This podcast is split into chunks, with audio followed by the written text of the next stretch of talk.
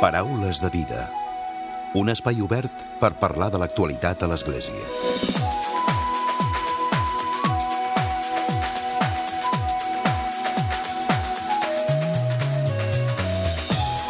Què tal? Salutacions i molt bon dia, molt bon diumenge. Tots tenim un àngel.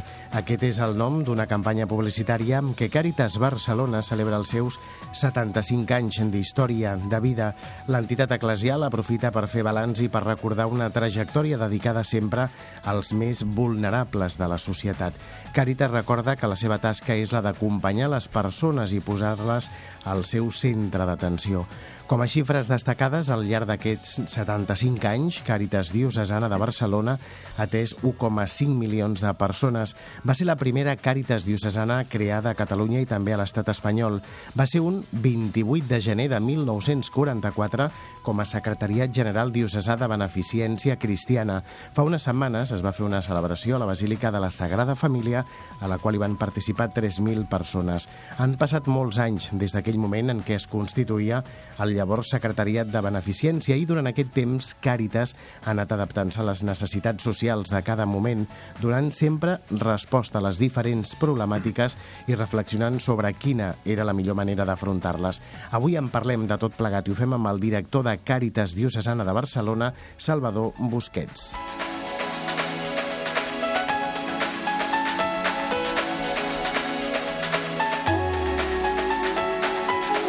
I com sempre tancarem el programa amb el comentari de l'actualitat de Francesc Romeu. Comencem.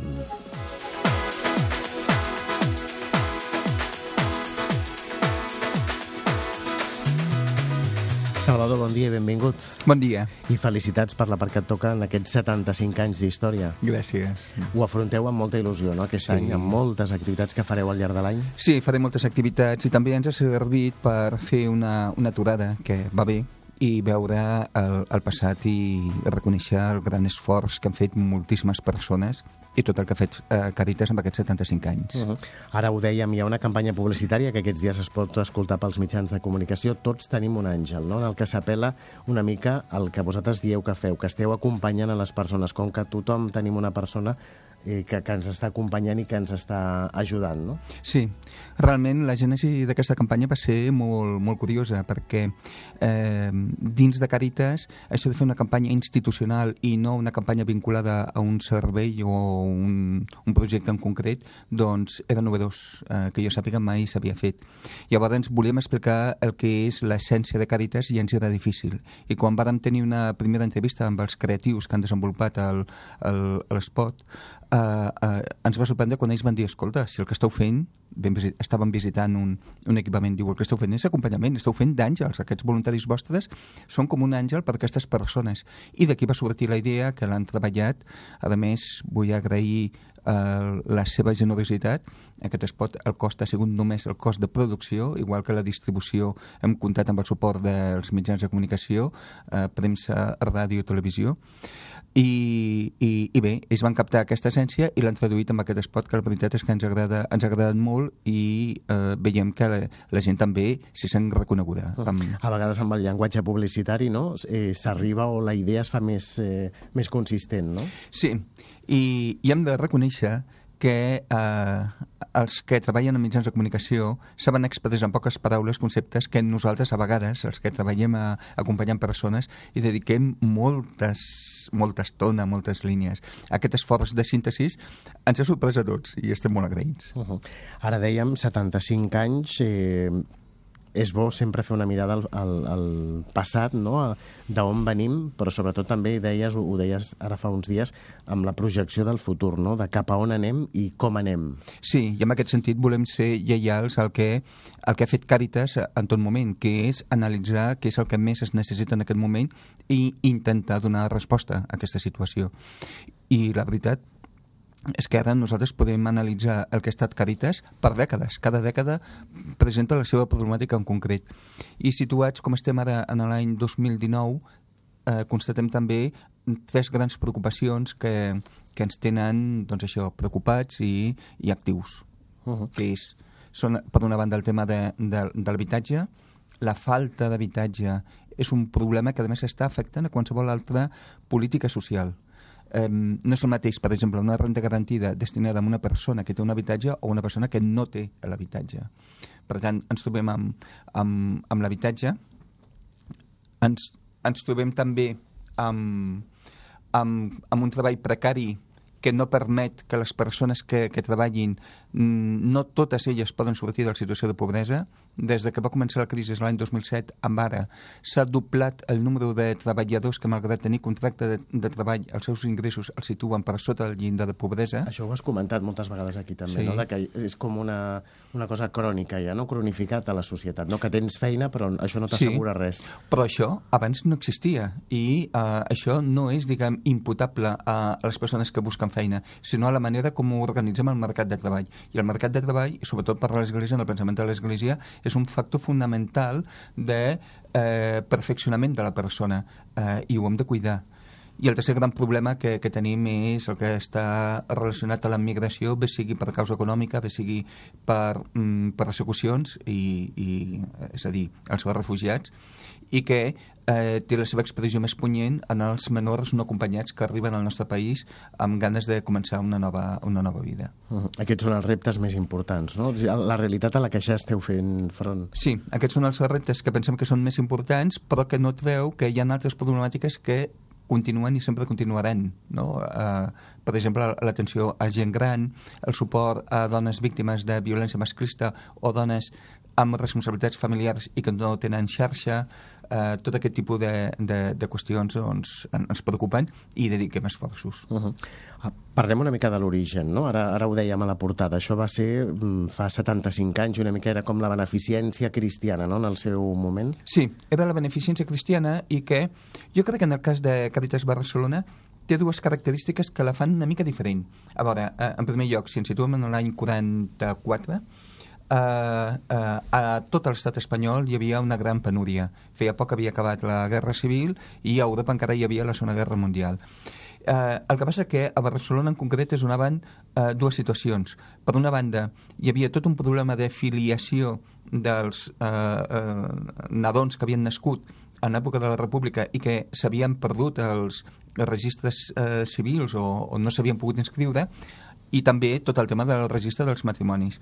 Això feia que hi, havia, que hi hagués una gran demanda d'advocats que acompanyessin a fer aquests processos. I aquí va sortir l'assessoria jurídica, que el va començar un home que en aquests moments té 94 anys, encara es viu, Encara en Joan. Amat, que el vam anar a visitar justament la mateixa setmana en què començàvem eh, la celebració dels actes. I eh, això, un, un equip de cinc voluntaris, mm, advocats, experts en diferents temes, cada dia de la setmana eh, un d'ells atén a les consultes.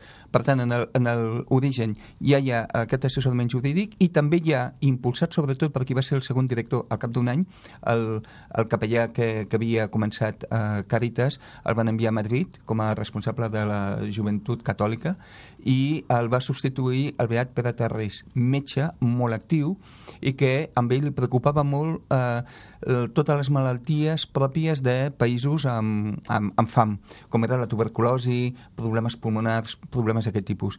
I va començar, bueno, la primera obra que va començar, si no ho tinc mal entès, va ser la clínica La Mercè, que encara continua, i després va fomentar que amb els diferents parròquies es creessin petits espais que actuessin com ambulatoris molt, molt senzills, no? Però alguns d'ells encara continuen, no només la clínica La Mercè, sinó l'Hospital Sant Pere Claver també té aquest origen i, i altres. Uh -huh. Per tant, pioners eh, a Catalunya i pioners a l'estat espanyol. Sí, sí, sí. Se sap, hi ha un document de Càritas Espanyola en què eh, es constitueix la Càritas Espanyola com a confederació de les Càritas antiguos secretariados generales de beneficencia cristiana de la que eh, Barcelona fue el primer secretariado en constituir-se. Una cosa així. És un document que hem recuperat, estem, estem bussejant el nostre arxiu institucional que creiem que podem treure moltes coses. Realment, eh, amb un anàlisi a fons hi ha moltes similituds entre els problemes que hi havia fa 30 o 40 anys, per exemple, eh, tot el que fa referència a ingressos mínims, i el que estem dient ara també nosaltres. És a dir, que mm, de fa molts anys a ara o sigui, Càritas neix amb una finalitat i és aquesta finalitat la que es manté, no? O sigui, Sí. La societat, encara que sembli que, que canvia, que són nous temps, però hi han problemes que sempre s'arrosseguen, no? Sí, sempre hi, ha, sempre hi ha persones que per diferents circumstàncies viuen en condicions de vida duríssimes i necessiten un suport i el que constatem és que més enllà de la pobresa cultural que hi pugui haver, de la pobresa espiritual, de... hi ha una pobresa material que té el seu principal reflex en, en la falta d'ingressos i en no poder tenir un lloc on viure amb dignitat, que està condicionant la vida d'aquella persona d'una manera molt forta. I això passa ara, passava fa 30 anys i eh, ens agradaria que no passés d'aquí 20 anys. Uh -huh. 1,5 milions de persones en sí. aquests 75 anys. Sí, això ha estat... Eh, vam estar mirant, tirant enrere... Els arxius. Des, des del 2018 fins enrere, mirant les memòries, les diferents memòries, eh, fins allà on tenim dades estables i, i després hem, hem fet una estimació decreixent i ens porta això un milió i mig de persones ateses. Uh -huh. S'ha fet un acte litúrgic fa uns, uns dies, unes setmanes, Sí. no? Aquest és el primer acte, diguéssim, Sí. oficial amb, amb un any que serà ple d'activitats per recordar aquests 75 anys. Sí, eh, vam començar amb una celebració litúrgica, amb una eucaristia festiva a la Sagrada Família, en presència de 3.000 persones, entre els quals hi havia molts voluntaris, treballadors, persones ateses, socis, donants... Eh, va ser una, un, un, una eucaristia oberta i tenim previst diferents actes. Un dels actes que, que li volem donar una certa importància amb clau interna d'entitat és una celebració també eucarística que farem a, a la parròquia de Sant Vicenç on està enterrat precisament eh, el Beat Pere Terrés perquè volem recuperar Uh, uh, uh, Pere Terres va deixar escrites coses molt interessants que estem recuperant de l'arxiu i les motivacions que el van moure pensem que també són plenament vàlides avui dia i les volem recuperar. Uh -huh. Que seria un acte més intern de Càritas. Sí, seria... Aquest el plantegem com donar a conèixer en el conjunt de l'organització eh, què és el que va moure aquelles persones que en aquells moments tan difícils van ser capaços De fer obres importants. Eh, la, la Fundació Pere Terrés està situat allà on hi havia la clínica La Mercè i, i que van començar pràcticament de zero. Eh, hi ha una, una anècdota que explica una mica com, com es vivia, i és que a partir de l'any, no recordo si va ser 49 o 50, la comunitat mm, catòlica de Nova York, crec que era, va començar a enviar mm, paquets d'aliments a, a Espanya i eh, es va decidir que fos Càritas, les diferents Càritas, que les distribuís. Ho enviava, la llet, la llet en pols, ho enviava amb unes capses de fusta de tal qualitat que en aquests moments, en la nostra re- recepció a Plaça Nova, que és la seu institucional, encara hi ha alguns bancs fets amb les fustes de les capses que embolicaven a, a la llet. I hi ha tot un panel que ja existia abans de fer les obres que es van fer ara el 2015, un panel de fusta i malauradament lamentem molt que s'hagin perdut unes portes que durant les obres es, es van malmetre, unes portes fetes amb les capses que eh, ens enviava la, la comunitat mm, catòlica de Nova York. Uh -huh. Són curiositats eh, interessants, no? Sí, i, i que ens parla de l'enginy quan hi ha molta necessitat de l'enginy que, que s'obre per donar resposta a, a això, al problema que hi havia. Salvador, suposo que els 75 anys, la celebració d'aquests 75 anys, servirà també per donar a conèixer més encara la tasca de Càritas d'una entitat que sempre ho diem aquí també, no? que hi ha gent que potser no és creient o no hi creu, però sí que us dona suport perquè sap que hi ha una, que hi ha una solvència, no? que hi ha un, una manera de fer eh, contrastada i al llarg de molts anys, no? Sí, i això és una cosa que a nosaltres, per una banda, ens anima i per l'altra ens fa més responsables. I, i a veure, durant aquests anys de crisi, 2007 a 2014-15, hi ha hagut entitats socials que han tingut que reduir la seva activitat i algunes no han pogut superar. Càritas va rebre eh, molt suport de la ciutadania per tirar endavant. Eh, pel que sigui, perquè s'ha guanyat la confiança, el, el que sigui. Hi ha molta gent que dona suport a Càritas. Eh, fins a tal extrem que nosaltres, que som persones que estem al costat de situacions molt dures, sota un punt de vista objectiu tindríem arguments per estar mm, desesperançats, tristos, i en canvi crec que som una organització alegre, optimista, perquè veiem les dues bandes d'una mateixa moneda. Per una banda, com hi ha gent que ens ajuda, tant si és creient com no, però ens ajuda i, i ho agraïm molt, i també veiem com aquesta ajuda aplicada a, a les persones a qui atenem amb el seu esforç, la seva voluntat, el seu voler tirar endavant i superar situacions, eh, se n'acaben en sortint. Dona fruit, no? Dona fruit, i, i, i això ho veiem. I, I a vegades ens sap greu perquè pensem que amb una mica més d'ajuda podríem ajudar a més persones o que aconseguir que una persona eh, o una família que ho està passant molt malament perquè ha estat desnudada, ha perdut el pis que estava pagant amb hipoteca, ara està vivint de lloguer i ja l'han avisat que el trauran fora. Pensem que 800 euros al mes que val un pis, que en, en definitiva són 10.000 euros a l'any per 5 persones, dona una estabilitat que aquella família, si tenen fills, poden tirar endavant i els pares pot, poden atendre els fills i tot funciona d'una altra manera. I són 10.000 euros a l'any, que si són 5 persones doncs són 2.000 euros a l'any per persona. No és tant, però en canvi no, no aconseguim arribar a tots. Fa, 25, fa 27 anys Caritas va constituir una fundació per gestionar habitatges, una fundació que tenia per objectiu donar resposta a les necessitats d'habitatge de les persones ateses per Caritas Barcelona. Quants anys? 27 anys. Fundació Foment de l'Habitatge Social.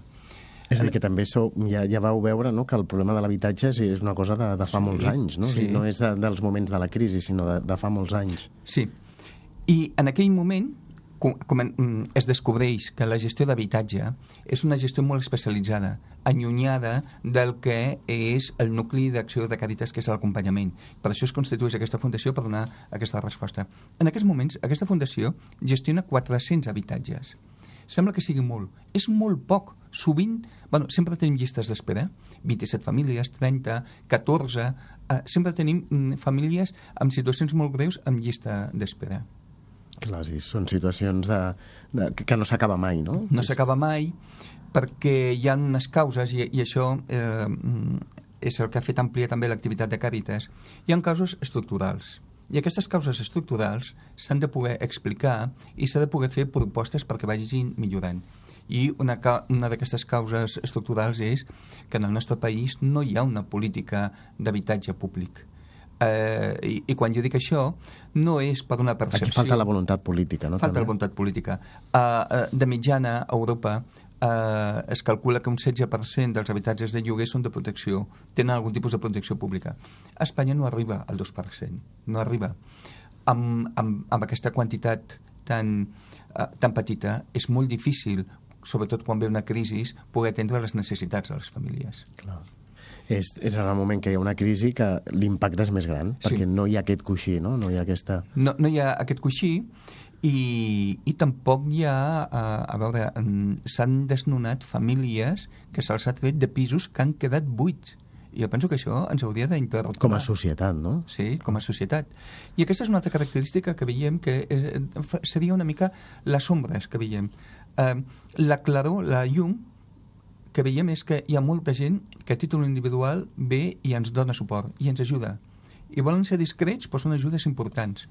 Eh, I quan intentem passar de la resposta individual a una resposta col·lectiva, és a dir, quan intentem muntar una política social, com a societat ens entren tots els dubtes.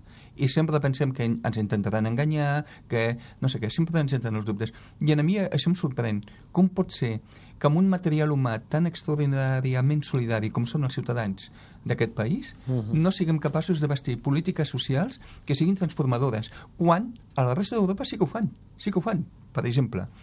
Realment. Eh, Breument, Salvador. Per exemple, les polítiques d'accés a l'habitatge, eh, segons la, eh, Europa, Eurostat, nosaltres, abans de la crisi, destinàvem el 40% de la mitjana europea i ara, en aquests moments, estem destinant el 20% de la mitjana europea en polítiques d'accés a l'habitatge. Ja s'entén amb, amb aquestes xifres. Salvador, gràcies, estarem molt pendents eh, d'aquest uh, aniversari dels actes que feu. Molt bé, gràcies. moltes gràcies a vosaltres. Paraules de vida. Un espai obert per parlar de l'actualitat a l'Església. I tot seguit arriba el comentari de l'actualitat de Francesc Romeu. Francesc, molt bon dia. Molt bon dia a tothom. Aquests dies passats, molt lamentablement, ha aparegut en diversos mitjans de comunicació tot un seguit de denúncies d'abusos sexuals a menors per part d'eclesiàstics. Els casos que han aparegut van ocórrer aquí a Catalunya, però no són pas recents, sinó per molts d'ells van ocórrer ja fa uns 30 o 40 anys enrere. Alguns dels culpables fins i tot ja són morts. Les seves víctimes, que no les posem pas en dubte, les han fet públiques ara, després d'anys de molta vergonya, de silenci i fins i tot de tractament. Les principals denúncies s'havien focalitzat bastant sobre un monjo de l'abadia de Montserrat i el nombre de denunciats a poc a poc va creixent. Però també hi ha hagut els casos d'alguns capellans diocesans, rectors de parròquies de pobles, com els de Vilobí d'Unyà, a la diòcesi de Girona, o el de Constantí, a la diòcesi de Tarragona. Els respectius bisbats han comunicat que no en tenien cap constància.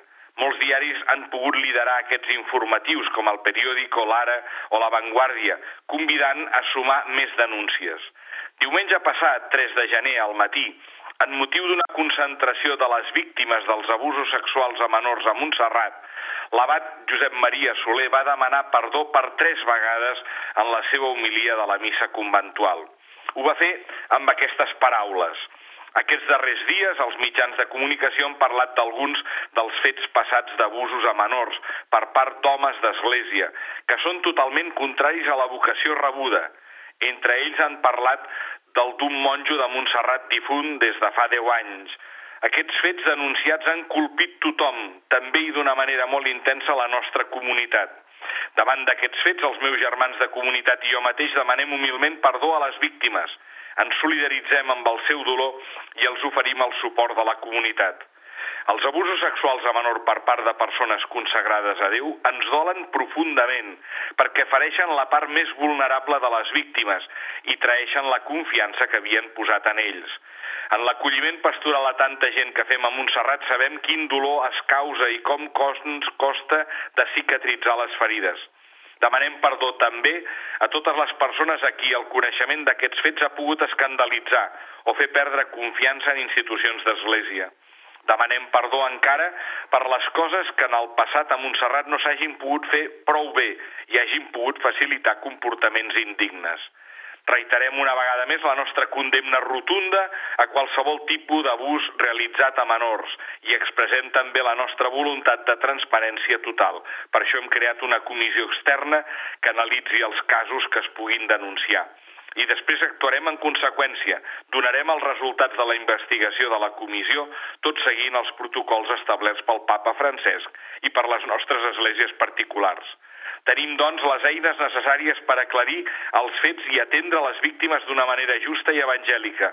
Volem agrair, a més, les moltíssimes mostres de suport i d'amistat que, més enllà d'uns fets concrets negatius que hi pugui haver hagut, valoren el treball i l'aportació de Montserrat i aprecien la fidelitat global de la comunitat als seus compromisos monàstics. En aquest sentit, puc dir que ens han dolgut certes expressions aparegudes en alguns mitjans que semblava que es tenien la sospita d'agressors sexuals al conjunt dels monjos.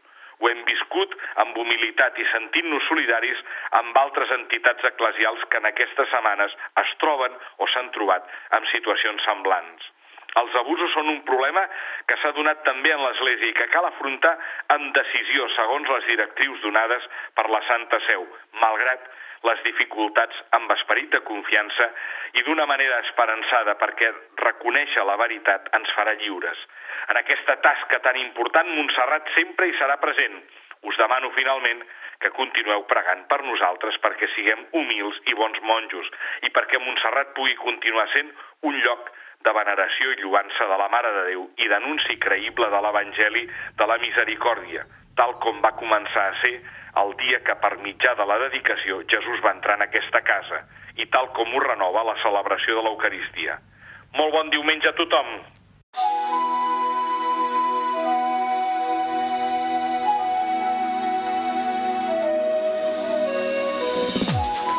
Fins aquí el Paraules de Vida d'aquest diumenge d'aquesta setmana. En Sergi Cotillas ha estat el control tècnic i qui us ha parlat, l'Emili Pacheco. Que passeu bon diumenge i una molt bona setmana. Us oferim la carta dominical de l'arcabisbe de Barcelona, Joan Josep Omella. Déu vos guard.